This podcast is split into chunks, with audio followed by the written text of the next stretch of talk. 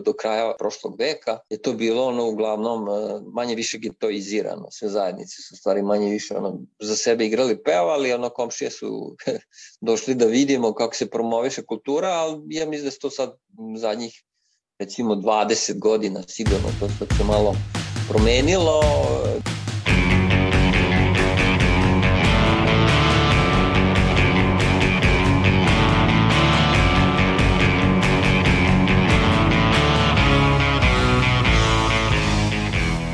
Zdravo, slušate podcast Reaguj nezavisnog društva novinara Vojvodine.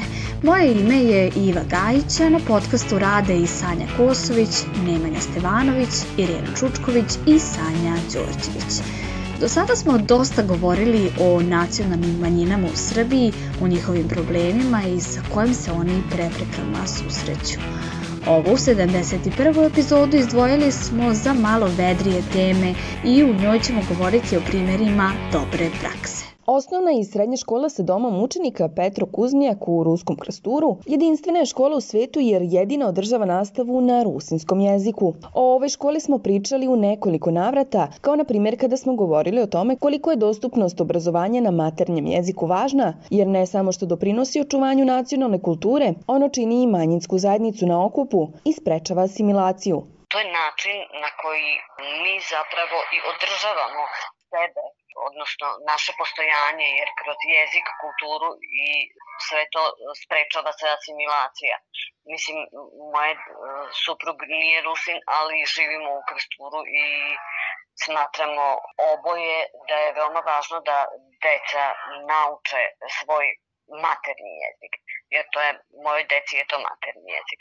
Ovo je bila naša sagovornica iz 65. epizode Olenka Živković iz Ruskog krstura, koja je, kao i njena deca, pohađala ovu školu. Njena izjava sjajno ilustruje važnost ove institucije, koju prepoznaje i UNESCO, koji je ovu obrazovnu ustanovu stavio pod zaštitu UNESCO kluba. UNESCO klubovi se bave, kažu, globalnim temama koje imaju uticaj na lokalno stanovništvo. Njihove aktivnosti se baziraju na solidarnosti i razmeni u oblasti obrazovanja, nauke i kulture, u skladu sa nacionalnim prioritetima i kulturnim specifičnostima. Njihov rad podrazumeva organizovanje aktivnosti kao što su obeležavanje međunarodnih datuma, zaštita životne sredine i kulturne baštine, organizovanje različitih predavanja, seminara i radionica, festivala i tako dalje. A kakva je situacija sa ostalim nacionalnim zajednicama? Imamo li primjer dobre prakse za obrazovanje kod ostalih manjina IVA? Sanja predsednica Nacionalnog saveta Slovačke nacionalne manjine Ljibuška Lakatoš za podcast Reaguj ističe rad ovog saveta saveta baš u oblasti obrazovanja. Kako kaže, na neki način je i pandemija uticala na to da se ovom sektoru posveti najveća pažnja. Slovački nacionalni savet, kao i svi ostali saveti, imaju ingerencije ili autonomije u četiri oblasti, a to je obrazovanje, kultura, očuvanje jezika i pisma i informisanje na maternjem jeziku. Znači, mi iz tih okvira ne možemo preterano da delujemo i trudimo se da delujemo upravo u ove četiri oblasti.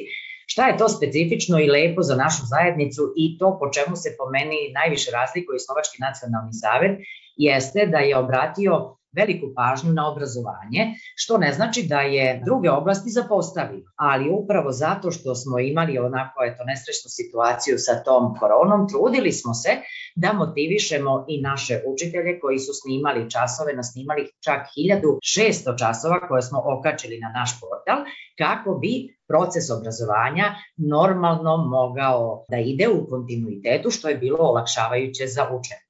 Mislim da je pohvalno i to da smo našli neka sredstva i preko projekata i preko matične države da finansijski malo nagradimo te nastavnike koji su uzeli učešće u tom procesu snimanja časova. Ono što je važno za očuvanje same zajednice, kao što je Sanja već napomenula, jeste i obrazovanje na maternjem jeziku.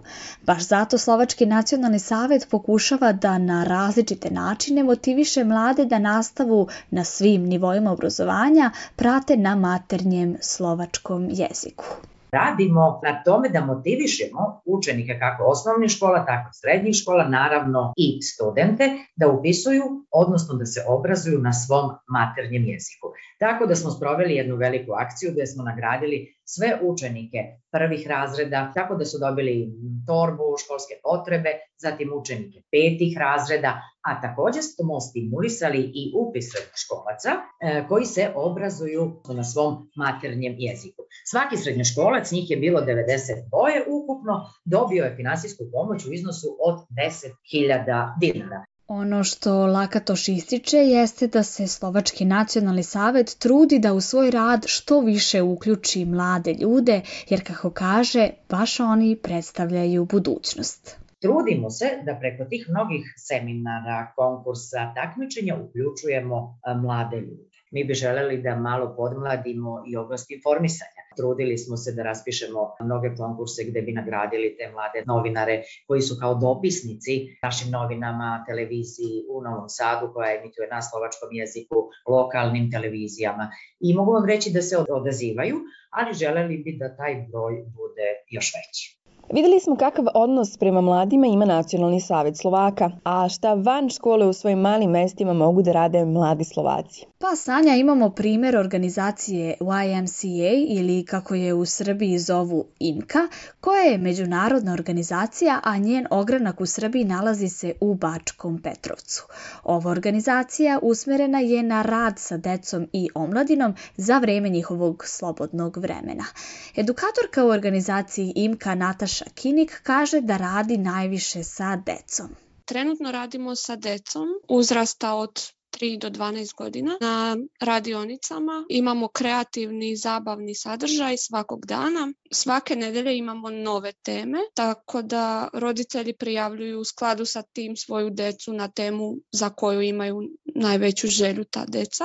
Uglavnom su te teme kreativnog sadržaja, ponekad edukativne, ekološke, stvarno raznovrsne. Svako leto organizujemo kampove za decu, Kako Kinik naglašava, ova organizacija postaje sve popularnija među decom i mladima, a iako se nalazi u opštini Bački Petrovac, gde građani pretežno govore slovački, aktivnosti su otvorene za sve.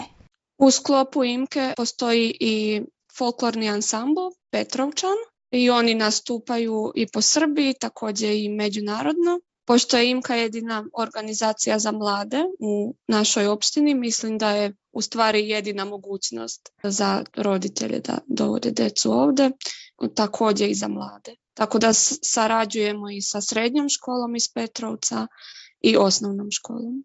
Sve je na slovačkom, ali naravno imamo i omladince koji govore srpski pa nije ograničeno na Slovake. U prethodnom periodu dok smo obrađivali teme nacionalnih zajednica, često se prožimo i problemi informisanja na maternjem jeziku. Iva, šta mogu pripadnici slovačke zajednice da prate, a da pritom nije birokratsko prenošenje saopštenja pokrajinske vlade i lokalnih političara? Mogu da prate portal Storyteller. U pitanju je medij koji nudi sadržaj na slovačkom i srpskom jeziku. Osnivačica i glavna i odgovorna urednica ovog portala, Vladimira Dorčova-Valtnerova, objašnjava da je osnovala Storyteller kako bi se o slovačkoj zajednici, problemima, ali i radostima koje se u njoj dešavaju, moglo znati i izvan same zajednice. Portal Storyteller koji postoji već polako četiri godine je specifičan zato što je to portal koji informiše na slovačkom i na srpskom jeziku. Zašto je specifičan? Zato što mi je uvek bilo važno kao novinarki koja dolazi iz jedne manjinske zajednice da o nama, o Slovacima, našim radostima i našim patnjama znaju i oni koji ne razumeju slovački jezik. I pošto takve slične stvari i ideje nisam mogla u to vreme realizovati u tadašnjoj redakciji, redakciji odlučila sam u stvari da odem iz tematične redakcije i osnujem svoj portal. Naravno da a, svi sadržaji nisu objavljivani i ne objavljujemo ih i na slovačkom i na srpskom jeziku. Naravno tu je taj a, finansijski element jako važan i presudan, rekla bih, ali svakako se trudim zajedno sa svojim saradnicima i saradnicama da neke stvari pokažemo, pohvalimo se, pa čak i da kritikujemo na dva jezika jezika i eto, to mislim da je onako, nije ništa epohalno, nije nikakva inovacija, ali mislim da je važno za društvo u kojem živimo, radimo, sanjamo i plačemo. Ipak ovaj portal ne prate isključivo pripadnici srpske ili slovačke zajednice. Dorčova Waldnerova objašnjava da je publika storytellera mnogo šira. Zajednica koja nas prati je višejezična, što je super. I kad kažem višejezična, to nije samo da su to pripadnici slovačke ili srpske zajednice, već su to i zajednice koje pripadaju a, drugim jezicima, a to je bio i cilj. Ipak, ipak smo u Vojvodini, ipak smo u Srbiji gde postoji više naroda i narodnosti.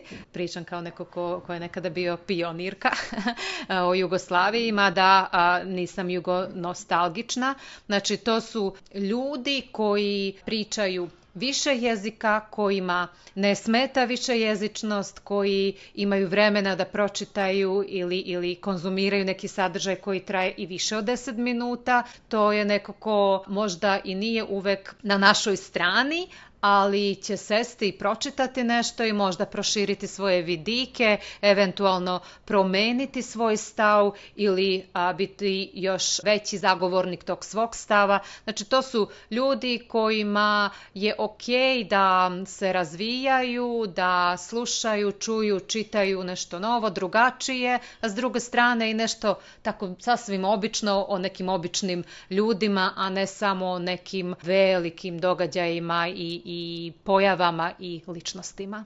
Dorčova Valtnerova dodaje da su lokalne priče od velikog značaja za zajednicu, te da one stvaraju i bolji odnos publike prema mediju. Portal Storyteller ima sedište u Magliću, znači Maglić je selo koje ima sve, piše na tabli kad se ulazi u naše selo i to je većinski srpsko selo i ono je u opštini Bački Petrovac, ko, ova opština je većinski slovačka.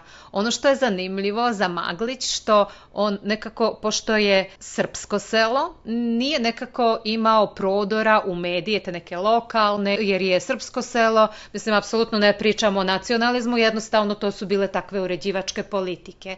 I sa pojavom mog portala, u stvari, taj jedan mali maglić, a tako veliki, dobija svoje mesto u medijima i kada a, ljudi pročitaju o sebi, kada pročitaju portret svog omiljenog profesora likovnog, oni se oduševe. A ponekad mi se čini da i sama moja zajednica u smislu sela još nije upoznata da, da postojimo, ali polako su shvatili ne samo ljudi iz Maglića, već i iz uže i šire okoline, da smo mi a, prava adresa da pošalju neku informaciju. Kada je gorela deponija, meni su najpre javili. Kada se, ne znam, dešava neko lepo dešavanje, neki lepi program u Magliću, šalju mi, dođi. Mislim, konačno smo došla, došli na taj nivo, ali to je to. Lokalne priče jesu važne zato što ljudi ne gledaju visoku politiku, republička dešavanja. Nama je važno to što od čega nam zavisi život život, a to su te stvari, pojave ljudi iz naše najbliže okoline. I kada su oni u fokusu novinarske pažnje, drugačije se i ti ljudi odnose prema mediju, mediji prema njima i nekako kao da stvaramo zajednicu koja svako na svoj način se bori za neko bolje sutra i, i, i bolji život za sve nas.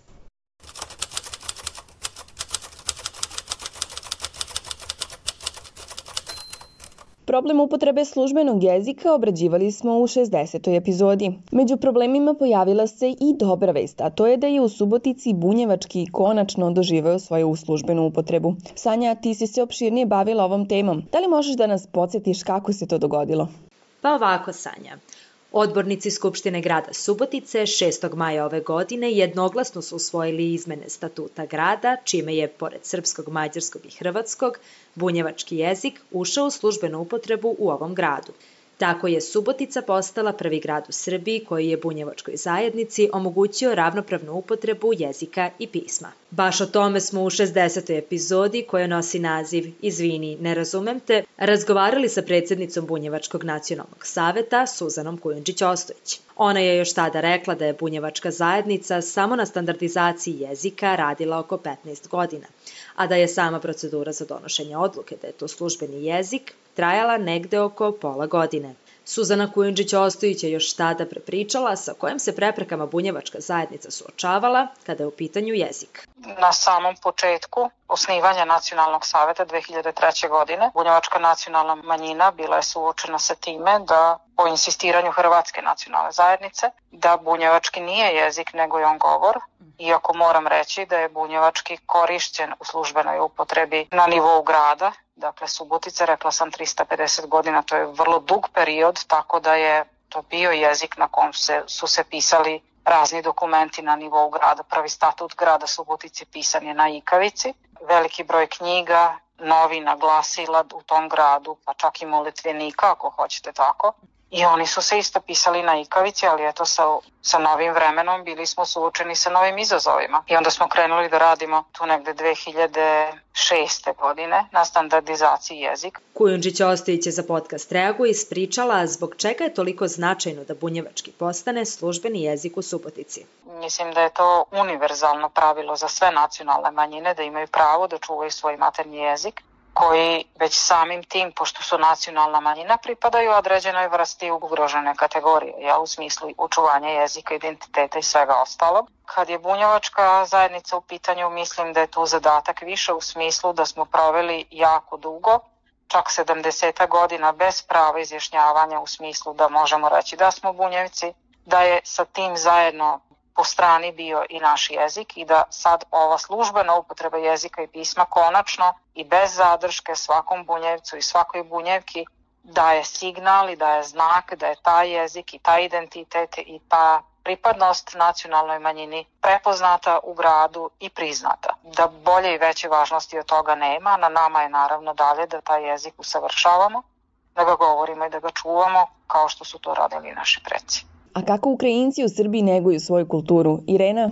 U Srbiji trenutno živi oko 5000 Ukrajinaca. Miroslav Hočak, potpredsednik Evropskog kongresa Ukrajinaca, kaže za podcast Reaguj da su gradovi sa najvećom koncentracijom Ukrajinaca Kula, Vrbas, Inđija, Sremska Mitrovica i Novi Sad. Kako kaže naš sagovornik, nosioci kulturnog života Ukrajinaca u ovim gradovima su kulturno-umetnička i kulturno-prosvetna društva sa svojim sekcijama.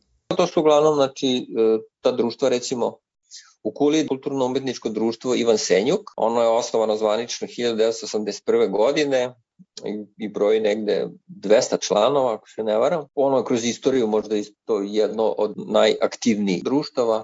Onda imamo društvo za negovanje ukrajinske kulture Kolomejka iz Sremske Mitrovice. Ono je nezvanično kao folklorni ansambl pri Sirmi Martu još osnovano 79. da bi 2000 treće ili četvrte godine je bilo znači, osnovano kao nevladina organizacija, to je znači društvo za negovanje ukrajinske kulture i ono takođe znači, ima jaku folklornu sekciju, horsku, ručnog rada i oba ova društva su izuzetno poznata to i u Sremskoj Mitrovici, okolini i Kuli, jer su na državnom nivou kod nas i na pokrajinskom su postizali velike uspehe i naravno nisu i nastupali su na ovom području bivše Jugoslavije, Ukrajina, Rumunija i ostale zemlje u okolini.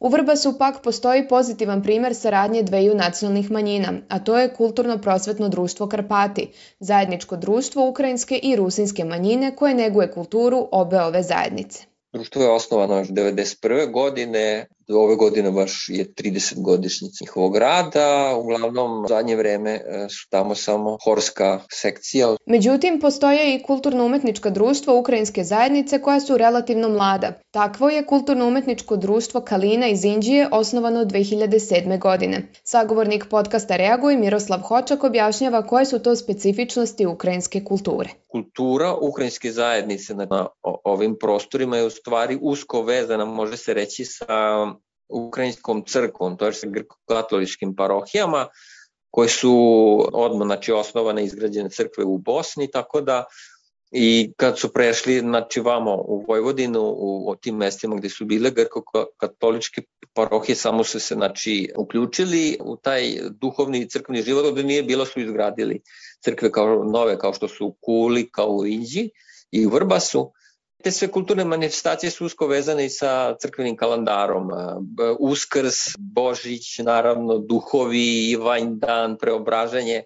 Sve to izuzetno izraženo bilo u ukrajinskoj zajednici. Hočak objašnjava i šta je ono što ukrajinsku kulturu u Vojvodini čini posebno. Ostao je taj neki identitet od ranije koji se razvio je, i on se i dalje danas razvija i nije imao puno uticaja sa strane savremene Ukrajine, ali je uticaj na tu kulturu je sigurno imala nova sredina Jugoslavija, to je Srbija, tako da su se verovatno i te neke kulturni ti segmenti su se sigurno modifikovali. Miroslav Hoča kaže i da su ukrajinske narodne igre koje su gledalcima veoma atraktivne, ono po čemu je kultura ove zajednice najprepoznatljivija. Kažu posebno igre iz centralne Ukrajine, kozački tamo poskoci i ostala nadmetanja, mislim to izuzetno atraktivno izgleda kad se gleda. U suštini centralna ta manifestacija ukrajinske zajednice na ovim prostorima jeste festival ukrajinske kulture Kalina. E, ove godine se baš posle godinu dana pauze pre dve nedelje, znači 19. septembra se održao festival ukrajinske kulture 17. Kalina u Sremskoj Mitrovici. Bio je na otvorenom na žitnom trgu. To je bila mogućnost znači, da se svih tih pet kulturno-umetničkih prosvetnih društava ukrajinskih koji neguju u stvari ukrajinsku kulturu na ovim prostorima je da predstave taj neki svoj program. I što se tiče igre, mislim ja sam spomenuo, mislim najveće uspeha i najviše poznaju na ovim prostorima su baš ovaj, to društvo Kolomejka iz Sremske Mitrovice i društvo Ivan Senjuk iz, iz Kule. Oni su znači, na ovim prostorima i imali izuzetne uspehe i imali su jake te folklorne ansamble. Miroslav Hočak smatra i da u Vojvodini danas imamo više multikulturalnosti i komunikacije među pripadnicima različitih manjina nego što je to bio ranije slučaj. Do kraja prošlog veka je to bilo ono uglavnom e, manje više getoizirano. Sve zajednice su stvari manje više ono, za sebe igrali pevali, ono komšije su došli da vidimo kako se promoviše kultura, ali ja mislim da se to sad zadnjih recimo 20 godina sigurno to sad se malo promenilo, više se ide u pravcu multikulturalizma i mislim i mnogo je interesantnije i, i, i poželjno je da se ta neka promocija tog nekog kulturnog stvaralaštva nacionalnih zajednica u stvari da izađe na videlo na, na, na, na sveopštem društvenom jel, kažu, nivou, jel nije više interesantno da igraš i da pevaš pred svojim u datom slučaju Ukrajincima, jel manje više to je sve poznato, sad je, trebalo bi da se promoviše više u tom drugom pravcu. U prethodnim epizodama malo smo pričali o slovenačkoj nacionalnoj zajednici, a evo i prilike da i njih predstavimo kroz primere dobre prakse. Nemanja, ti si pripremio pregled ove zajednice u našoj zemlji. Mikrofon je tvoj. Slovenaca na prostoru današnje Srbije ima po nekim izvorima od 19. veka, ali veliki broj njih se doselio formiranjem kraljevine Srba, Hrvata i Slovenaca, a u najvećem broju na teritoriju Srbije dolaze kada se formirala Jugoslavija posle drugog svetskog rata. Ipak, kompozitor današnje himne Davorin Jenko bio je slovenac, a osnivač najdugovečnijeg dnevnog lista politika Vladimir Ribnikar rođen je u mešanom braku Slovenca i Srpkinje. Jedan od simbola jugoslovenskog glumišta Stevo Žigon bio je slovenac, kao i osnivač jugoslovenskog dramskog pozorišta i ateljeja 212 u Beogradu, reditelj i arhitekta Bojan Stupica. Prema popisu Federativne narodne republike Jugoslavije, slovenaca u Srbiji je bilo skoro 21.000 a najmanji broj slovenaca bio je za vreme socijalističke Jugoslavije pred sam raspad, tek nešto više od 8000. Prema poslednjem popisu iz 2011. Slovenaca ima nešto više od 4000. Slovenci su u Srbiji nastanjeni uglavnom u urbanim naseljima od Subotice do Leskovca i upravo zbog te raštrkanosti ni u jednom naselju nemaju zakonsku normu od 15% stanovništva kojim bi slovenački jezik dobio status službenog jezika nacionalne manjine. Međutim, nedavno je Nacionalni savet Slovenačke nacionalne manjine uspeo u dogovoru sa Ministarstvom prosvete da organizuje nastavu slovenačkog jezika kao izbornog predmeta u dve škole u Novom Sadu, navodi Saša Verbić, predsednik Nacionalnog saveta Slovenaca. Što se tiče tog službene upotrebe jezika, mi to nemamo zato što je tu limit 15% u nekoj lokalnoj zajednici. Međutim, mi smo uspeli da sa Ministarstvom prosvete Srbije uvedemo slovenački jezik kao izborni predmet u dve škole u Novom Sadu, a nadamo se da će se to vremenom i proširiti. Mogu da kažem da postoji veliko interesovanje i kod ljudi koji nisu slovenačkog porekla za učenjem tog jezika. Imamo jednu nastavnicu koja inače po drugom jednom predmetu angažovana, ali je slovenka poreklom i ona uh, je obučena, ima licencu za to i ona u te dve škole u Novom Sadu drži nastav, to je jedan put nedeljno. Slovenci u Srbiji, kako smo i rekli, naselili su se od Subotice na severu do Leskovca na jugu. To je jedan od razloga zbog čega se veliki broj Slovenaca okuplja oko društava kojih u Srbiji ima 16. Najstarije od njih je društvo Slovenaca Sava u Beogradu, a Slovenci imaju svoje društva i u Novom Sadu, Subotici, Rumi, Zrenjaninu, Zaječaru, Negotinu, Nišu, Kragujevcu, Leskovcu – Kako Slovenci proslavljaju svoj nacionalni dan kulture 8. februara, na dan kada je poznati slovenački pesnik eh, France Peršern umro 1849. godine, ova društva i u dijaspori proslavljaju Prešernov dan ili Dan kulture Slovenije. Slovenija ima je jedna od redkih zemalja koja ima svoj dan kulture koji je državni praznik i to je dan Prešernov, dan, dan kada je umro Prešernov. 8. februar. I mi to, iako smo ovde u dijaspori, mi to isto obeležavamo kao deo svoje kulturne baštine, obeležavamo te praznike svake godine. Tako da to društvo rade na lokalu svaki u svojoj sredini, ali smo imali ranije pre ove pandemije i jednom godišnje centralno, da kažem, proslavu, kada se pravilo, to se dešava na različitim mestima, različitim društvima, kada su se objedinjavali programi za tu proslavu.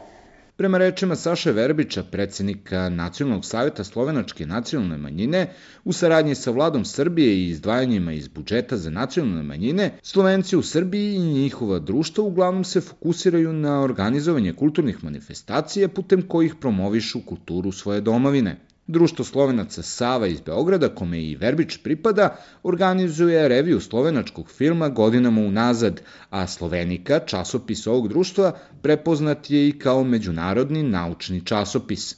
Mi smo verovatno jedinstvena organizacija da mi imamo svoj filmski festival. Mi smo kao društvo inicirali e, reviju savremenog slovenačkog filma koja je ovde više poznata kao Dani slovenačkog filma i već šest godina za redom uspešno se izvodi u saradnji sa Jugoslovenskom kinotekom. Sad smo proširili to i na druge gradove, tako da se taj program koji se ovde prikazuje u Beogradu, emituje posle i u Novom Sadu, u Nišu je bio, tako da to je jedan lep projekat na koji mogu da budem ponosan.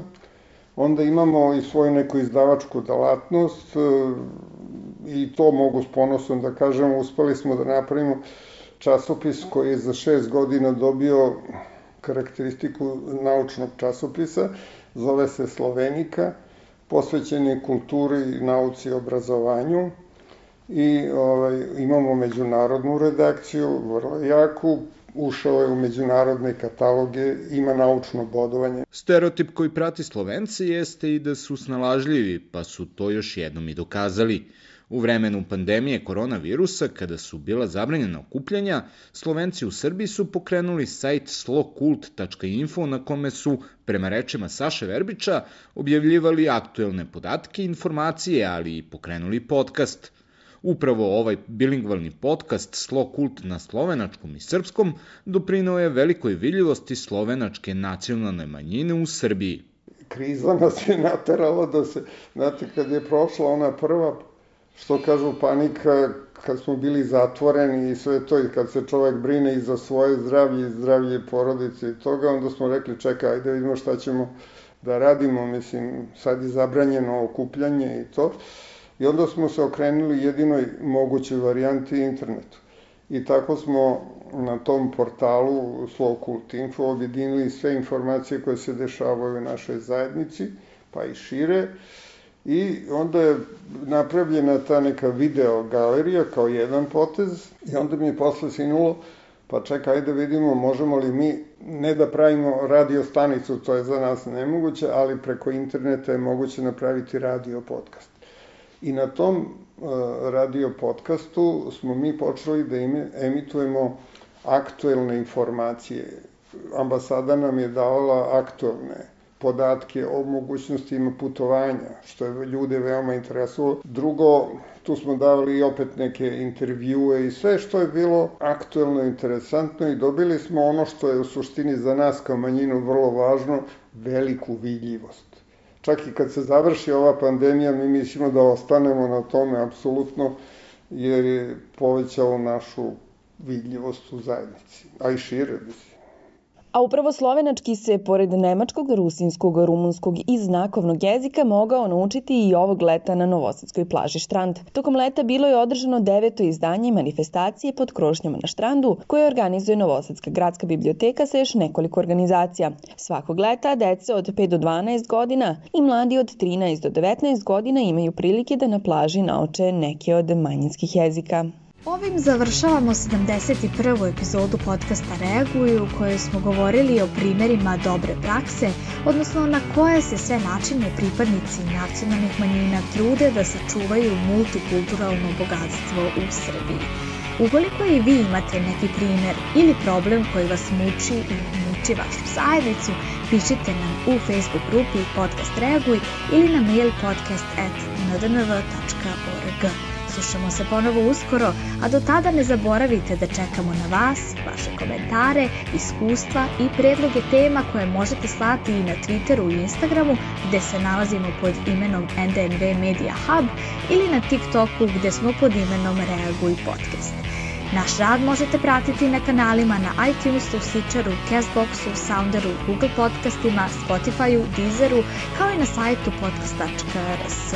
Ukoliko želite da nas podržite, uradite to baš šerovanjem, komentarom, deljenjem svoje priče ili preko sajta donations.ndnv.org.